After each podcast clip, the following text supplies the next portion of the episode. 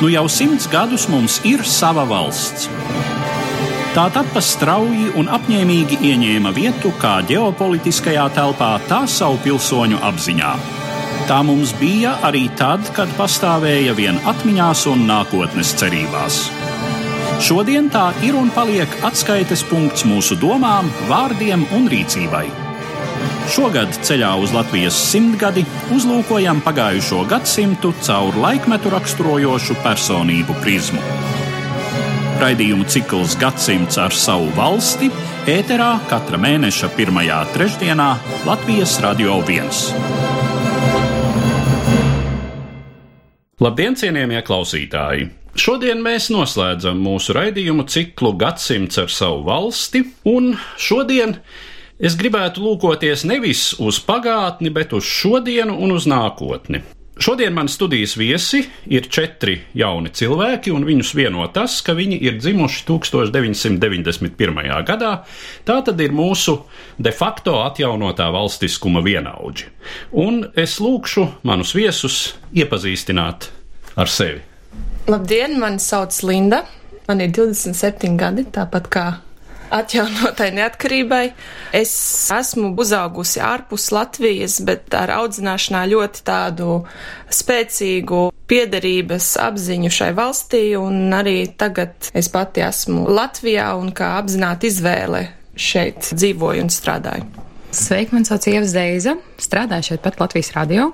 Esmu dzimusi šeit, augusi šeit, mazliet pablandījusies pa pasauli un atgriezusies šeit pat. Man sauc Jānis Gadešos, man 27 gadi. Esmu arī dzimis 91. gadā. Esmu viens no reemigrējušiem latviešiem, jo pēc vidusskolas devos mācībās ārzemēs, un pēc astoņu gadu pavadīšanas ārzemēs esmu laimīgi atgriezies atpakaļ Latvijā uz tieši Latvijas simtgadi. Sveiki, es esmu Jānis Krīvēns. 27 gadi, mārketinga nozares profesionālis, brīvajā laikā dalībnieks mūzikas grupās Singapūras satīns, un prieks būt šeit studijā ar jums. Tātad runājot par šo jūsu un atjaunotā valstiskuma sinhrono pastāvēšanu, cik bieži jūs varbūt par to aizdomājaties, cik jūs apzināti un arī emocionāli varbūt uztverat šo līdzās pastāvēšanu un uh, kopā attīstīšanos. Es agrāk sevi saucu par brīvības bērnu, tāpēc man liekas, ka nu, tas 91. gads un tā ir tā rīktīgā brīvība. Tā kā man dzimšanas diena ir novembrī, ļoti, ļoti īsi pirms 18. novembris, man ir patīkami novembrī, patīkami arī maijā. Man ir milzīgs prieks, ka maijā tagad arī ir nopietnāki svētki. Bet domājot par to 91. gadu, man ir gan tāds ļoti priecīgs sajūts par to, ka visi, kas ir pie šī galda, izņemot Eduardu, ir dzimuši jau atkal brīvā Latvijā, ir baudījuši demokrātiju.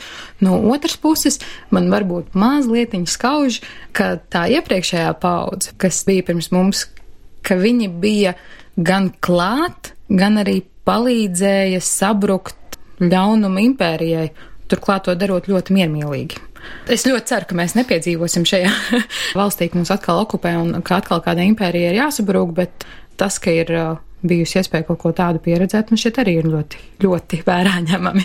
Jā, varu apliecināt, ka trešā atmoda un valstiskuma atjaunošana, tas laikam ir tas nozīmīgākais, kas ar mani mūžā ir noticis. Es esmu 91. gadā dzimis, 9. augustā. Tā kā man vēl bija tā iespēja dabūt zaļo dzimšanas apliecību divās valodās un ar veco pēcpadomju.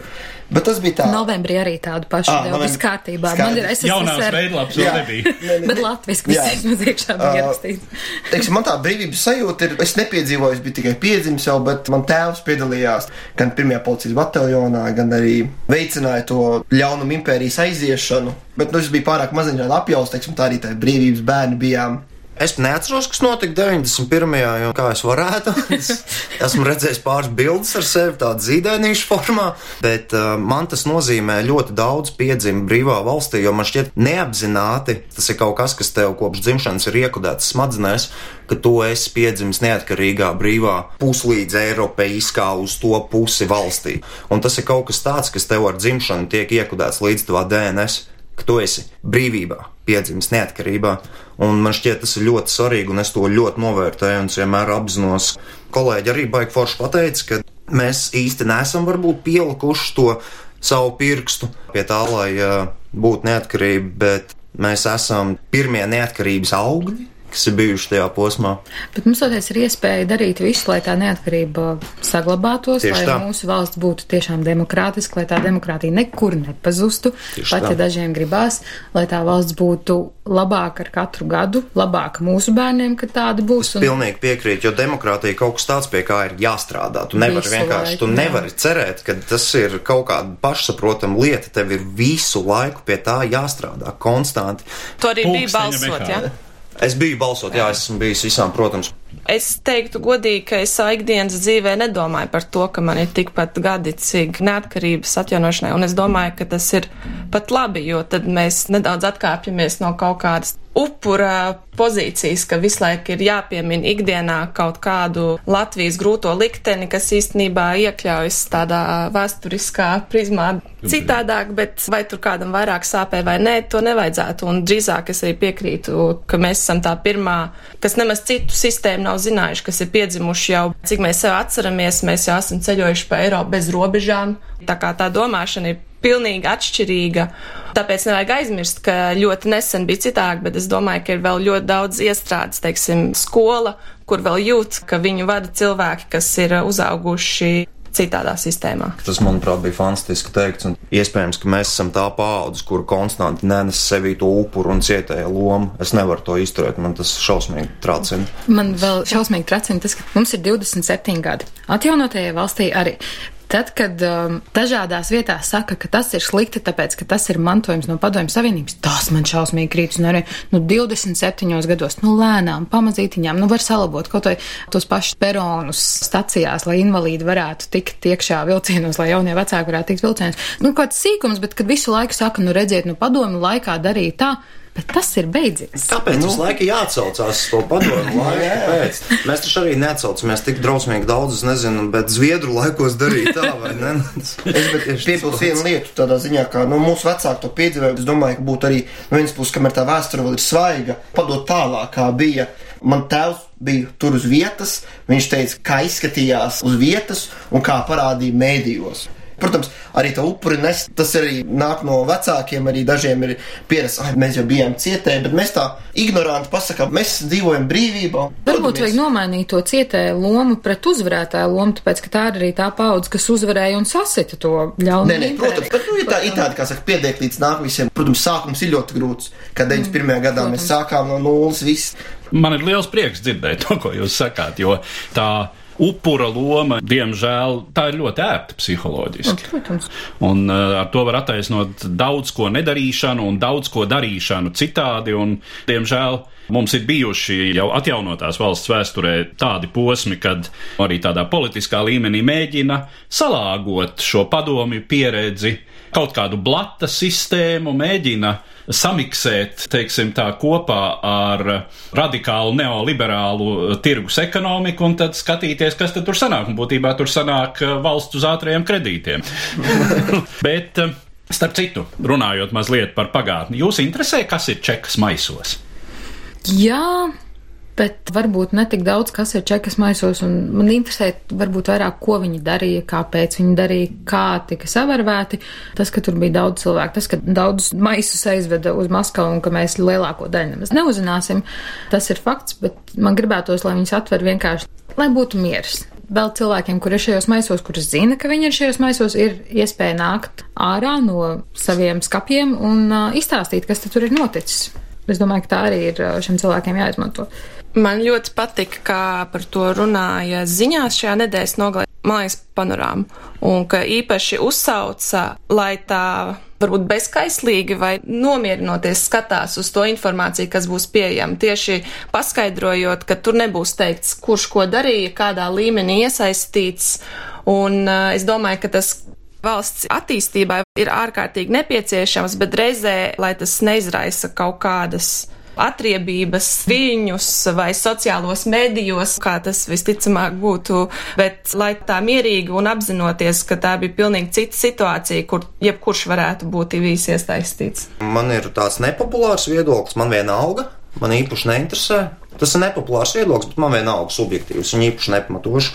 Jā, forši atvērs, jā, pastīsimies, labi, fakti neatvērs. No neko. Es bet piebilstu, lai par tiem čekus mēs jau to lielo šovu vienkārši beidzot viņus atvērt un pielikt vēstures lapē. Jā, jā, jā. Jo gan arī klausoties radio brīvajā mikrofonā, veciem cilvēkiem ļoti interesē. Man neinteresē tas, bet priekš vēstures, priekš vēstures analīzēšanas un, teiksim, aizvērtot Jā, vēstures lapas pus viss. Es piekrītu, ka vajadzētu atvērt un tādā ziņā. Nu, es zinu, ka es nekad ne uz vienu nerādīšu pirkstu, un tur ah, tur Jā. žēlās nebija. Tavs vecstāvs. Jā, jā, jā. Lai, man liekas, katram otrajam vectēvs bija komunists. Es nezinu. Pazīst, katrā otrajā ģimenē viens komunists ir bijis kaut kur. Visi vecāki bijuši pionieri. Jā, jā, jā. Komjā, nu, Ne komjā. tikai vecāki. ja es pats par sevi domāju, tad es saprotu, ka es atjaunotajai valstī esmu gatavs ļoti daudz ko piedot, tāpēc ka manas ģimenes audzināšana bija tāda, ka es sapņoju par valstiskumu atjaunošanu no brīža, kad es vispār sāku apzināties. Kas ir tā politiskā realitāte, kurā es dzīvoju, un kādai tai būtu jābūt, un kāda tā varētu būt bijusi, ja nebūtu okupācijas. Tas ir viens. Un otrs, jā, nu man ir, protams, šī iepriekšējā pieredze kā tāda, un es ļoti labi saprotu, kāda varētu būt alternatīva. Un es arī redzu, ka milzīgas teritorijas no mums uz austrumiem un pat varbūt uz dienvidu rietumiem ļoti svārstās atpakaļ jau uz to. Un tas ir tas, ko es nekad negribētu, nekad nenovēlētu savam dēlam. Bet tā jūsu izjūta, vai jums kādreiz ir iezagusies šī nianse? Izdevusies valsts vai neizdevusies valsts? Tā noteikti nē, bet man ir bijis tā, ka es skatos uz kaut kādiem lēmumiem, kas ir pieņemti 90. gados, un es domāju, kā jūs nesapratāt, ka tas novedīs pie tā vai šitā, nu tā kā loģiski. Nē, nav loģiski. Man ir ļoti loģiski tā domāt, sēžot uh, šodien brīvā valstī, Eiropas Savienībā, NATO un tā tālāk, ka toreiz, nu jā, ja es tur būtu bijusi, tad es būtu darījusi tā. Visticamāk, ka nē, tā bija unikāla situācija. Nav piemēru, kā iziet no komunisma atpakaļ demokrātijā, normāli, ar virzienu uz Eiropu. Kā to izdarīt? Nu, nebija, no kā paskatīties. Neviens nav atstājis instrukcijas. Vai ne? Un tas ir normāli, ka tur tika pieļautas daudz kļūdas. Vai varēja labāk? Jā, varēja labāk. Ir tā, kā ir. Tagad vienkārši ir jādomā, kā tās kļūdas labot, ko darīt tagad labāk, lai visiem būtu šī valsts patīkama, kur dzīvot, un lai nebūtu tā jautājuma, vai šī ir neizdevusies valsts. Nu, jau varat piebilst, kā saka, pēc kara visi gudri. Jā. Jā. Maz niansīta iziešana nenotika no komunisma, kas ir utopija. Iziešana notika no stagnējoša kazarmu sociālisma. Es vakar atbraucu no Ķīnas, es tādā ziņā biju tādā viegli komunistiskā, kā tur sauc, kapitālistu valstī, un uh, viņi nav izgājuši no turienes, bet viņi ir, uh, teiksim, uzsācis hibrīdu starp kapitālismu un komunismu, un, teiksim, es biju Šanhais centrā.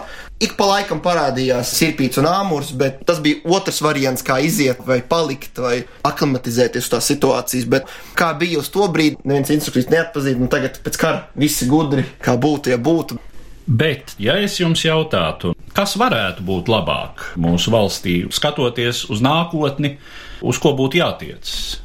Tikai esmu savas pieredzes pamanījis, ka Latvijā bieži vien daudz ko grib no jauna izgudrot. Inovatīvi, bet tā lietā labāk paiet solis atpakaļ un paskatīties, kā citur tas tika izdarīts. Kā mūsu igauņu kolēģi sekoja Somijas, teica, ah, viņi dara šādi, nu, mēs arī tā darīsim. Protams, pie mūsu situācijas mēs to aklimatizēsim un redzēsim, kā būs tālāk. Jo piemēri ir visur. Un, protams, izvērtēt to situāciju, kā viņi darīja, kā labāk mums darīt.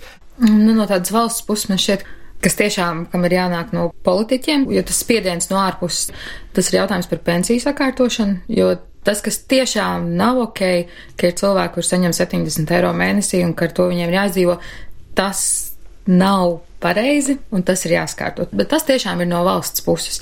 No tādas sistēmas viedokļa šķiet, ka mums ļoti daudz lietas, kas ir uztaisītas labi. Tas pats atbalsts jaunajiem vecākiem man šķiet ir brīnišķīgs komplekts. Ir vieta uzlabojumiem, bet ne tik traģiski.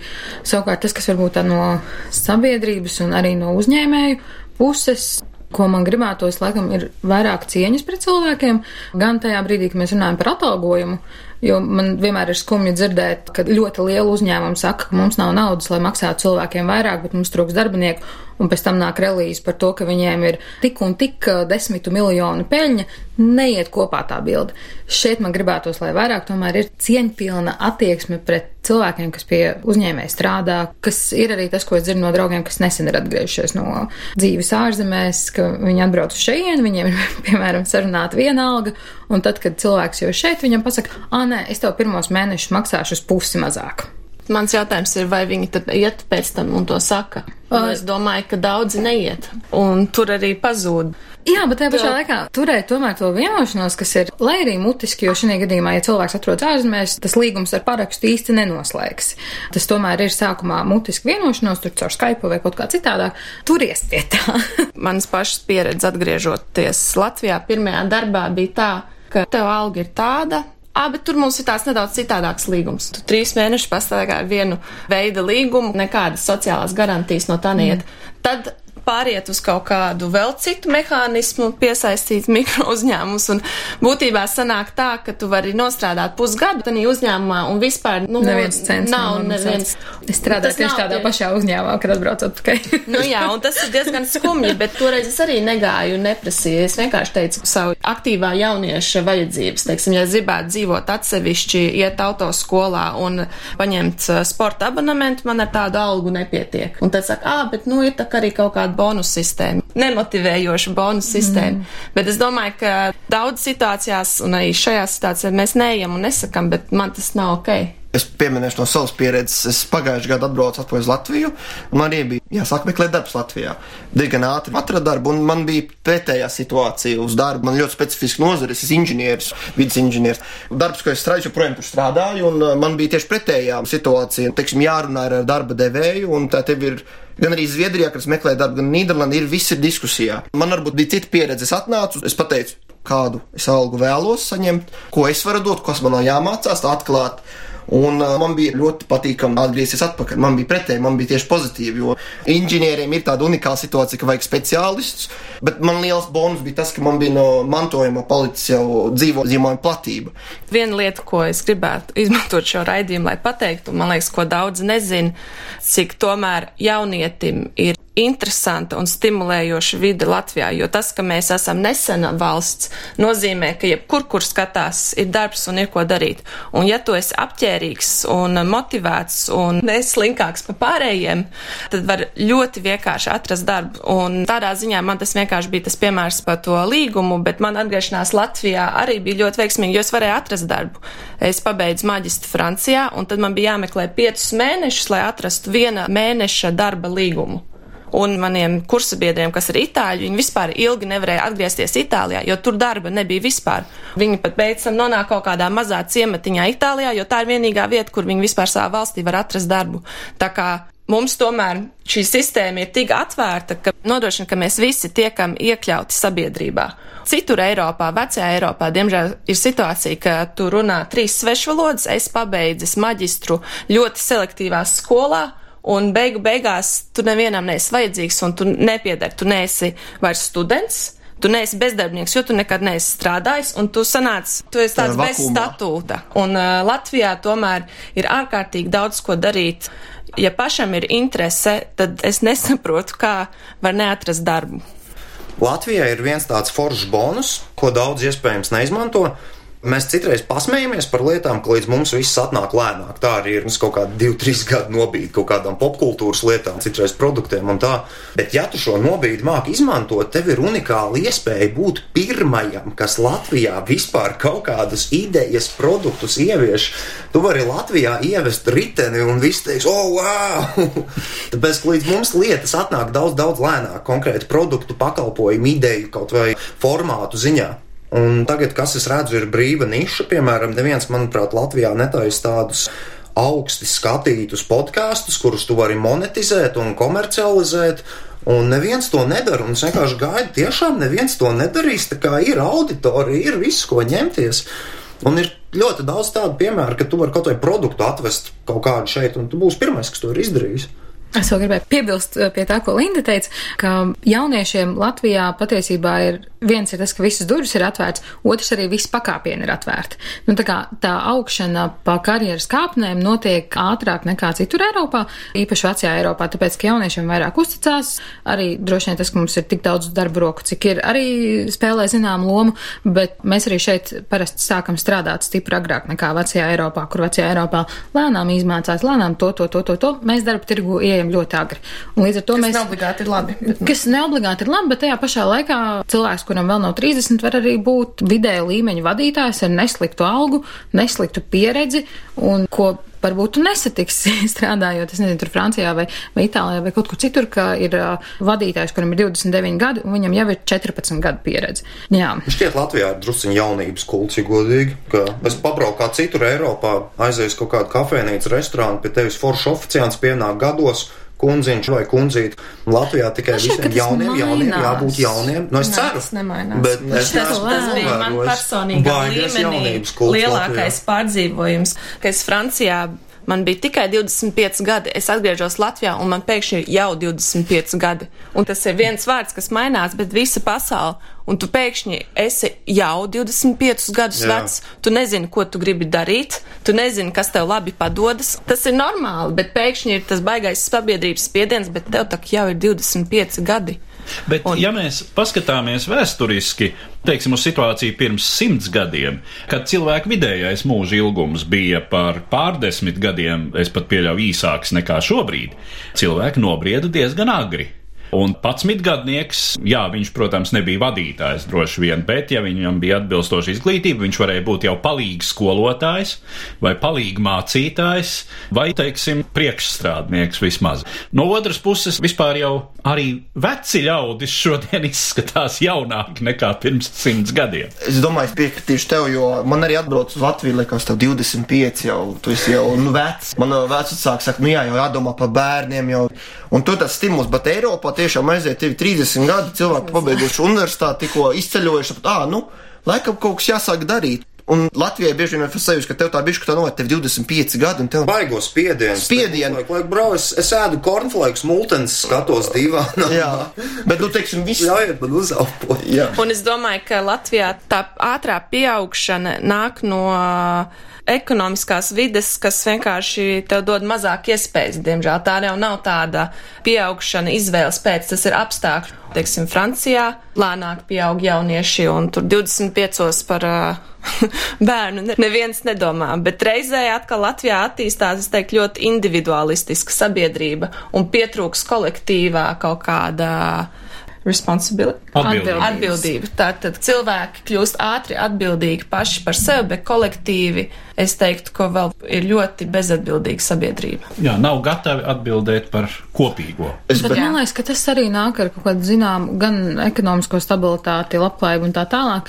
Tad, kad tu esi pats par sevi parūpējies, ka tev viss ir kārtībā, tev vienalga, vai tu vari samaksāt rēķins, vai tu vari nopirkt kaut ko, kad tad tu sāc domāt bišķiņu ārpus savām četrām sienām, tu sāc domāt, hmm, varbūt tās es varētu aiziet kaut ko brīvprātīgi padarīt. Kā es varētu šo pasauli padarīt labāku? Kā es varētu padarīt šo vietu labāku saviem kaimiņiem un tā tālāk? Bet tu nedomā par tām lietām, tad, ja tev pašam viss nav kārtībā. Jā, Nu, bet līdz es tam arī uzskatu, ka mēs esam tā paudze, kurai apzināti jāveic šī izvēle un sāk domāt par tādām lietām. Un tas pat nav brīvprātīgais darbs, tas ir vienkārši kā likumu pieņemt nebraukt dzērumu stāvoklī, kas, diemžēl, mūsu valstī ir ārkārtīgi liela problēma. Citur Un tu tas loģiski. Bet mēs esam tā visi arī vienā burbulī nonākuši šajā sarunā, ja? Jā. Tad, kad Jā. tu palasīsi komentārus Delfos pie kaut kāda raksta, noteikti būs kāds gudrinieks, a, kā lai es tieku mājās. Vai uh, sieva pati droši Jā. vien uzprasījās? Jā. Nu, Vai tā nu kaut kā tāda, te, Jā, nu tas- ne, tas bet ta- tas vājprāts. var būt ar jebkādām tādām noteikumiem, kas ir, lai sabiedrība kolektīvi funkcionētu. Piedalīties bet tad ir baigs- vēlēšanās. Bet tad ir beigas arī, arī izkāpt ārā no sava burbuļa, jo mēs te dzīvojam tad vienā burbulītī, kur saka, ir jāiet uz vēlēšanām, es esmu bijis uz visām vēlēšanām,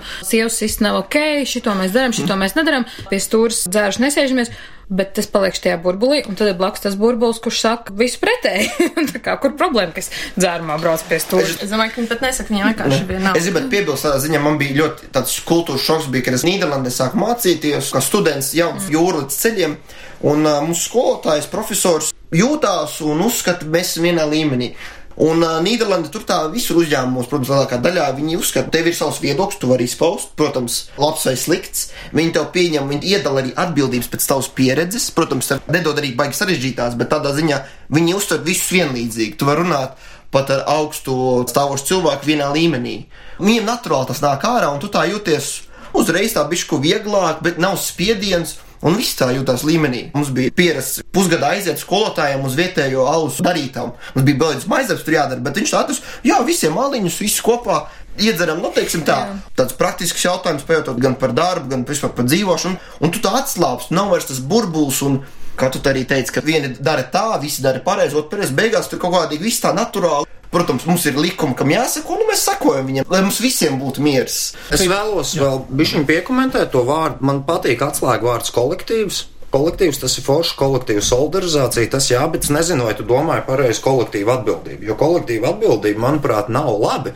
Tā ir tāda padomju pišķiņa domāšana, bumbiņas mētāšana. Man nav šī referents padomju.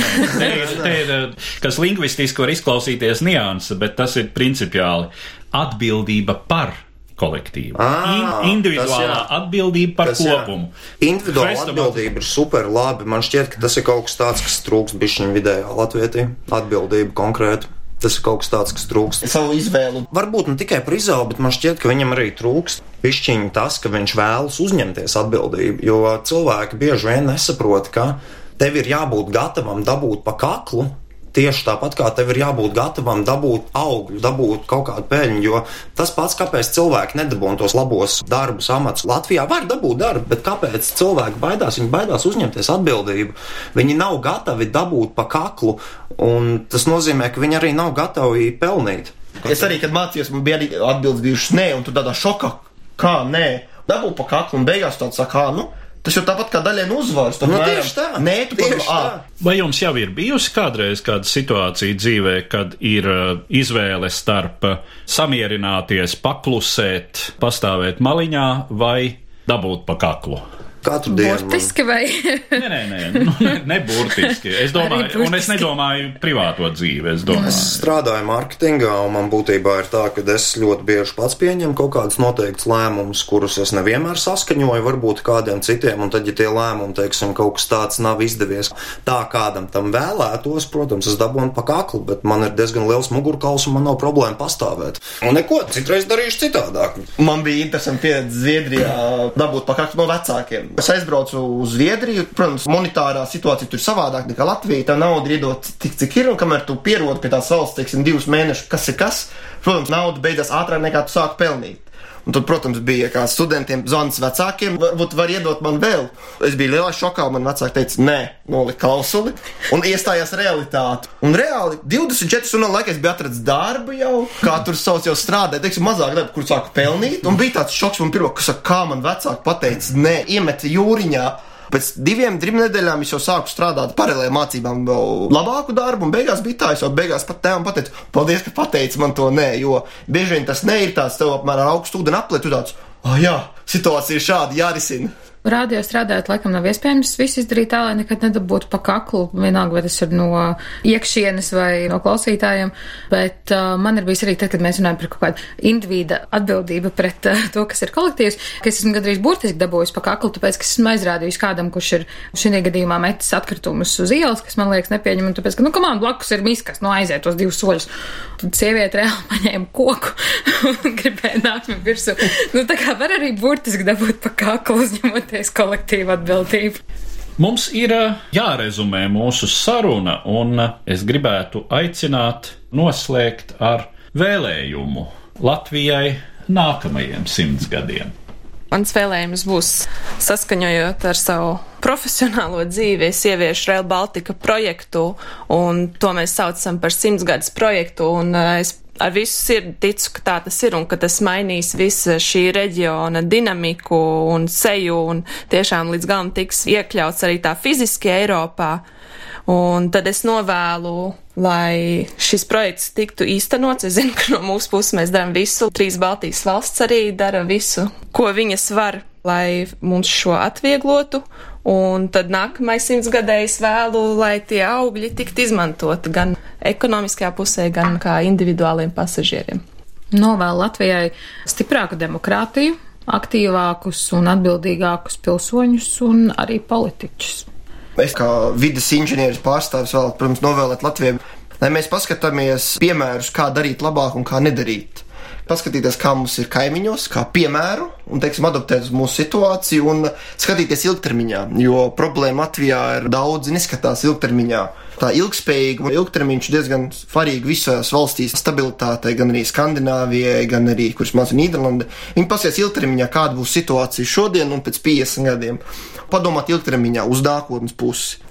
Es novēlu Latvijai un latviešiem nākamajos simts gados brīžiem ieskatīties sevi varbūt un nedaudz atlikt malā to latvietis, krievs, bēglis, tur ko balsoja un zem dienas beigās tu esi cilvēks. Un vairāk domāt varbūt kā cilvēkam, nevis brīžiem kā latvietim vai kā kādam citam grupas piedrīgajam. Un, protams, pārticība. Tā ir man pārliecība, ka pārticība nāk tad, kad jūsu piesauktie principi, idejas, izjūta ir īstenota. Tad, kad ir tā pārticība, tad atcerieties, ka ir nevis jābūvē augstāks žoks, lai cits netiek klāt, bet garāks galds, lai arī citiem var padalīties. Ar šo lielisko novēlējumu tad es arī noslēdzu mūsu šodienas sarunu. Saku paldies maniem sarunbiedriem Jānim Geduševam, Jānim Krīvēnam, Lindai Lapuķei un Ievai Zeizai. Gadsimts ar savu valsti skatīts caur laikmetu raksturojošu personību prizmu. Latvijas simtgades programmas raidījumu cikls ēterā katra mēneša pirmajā trešdienā Latvijas Radio 1.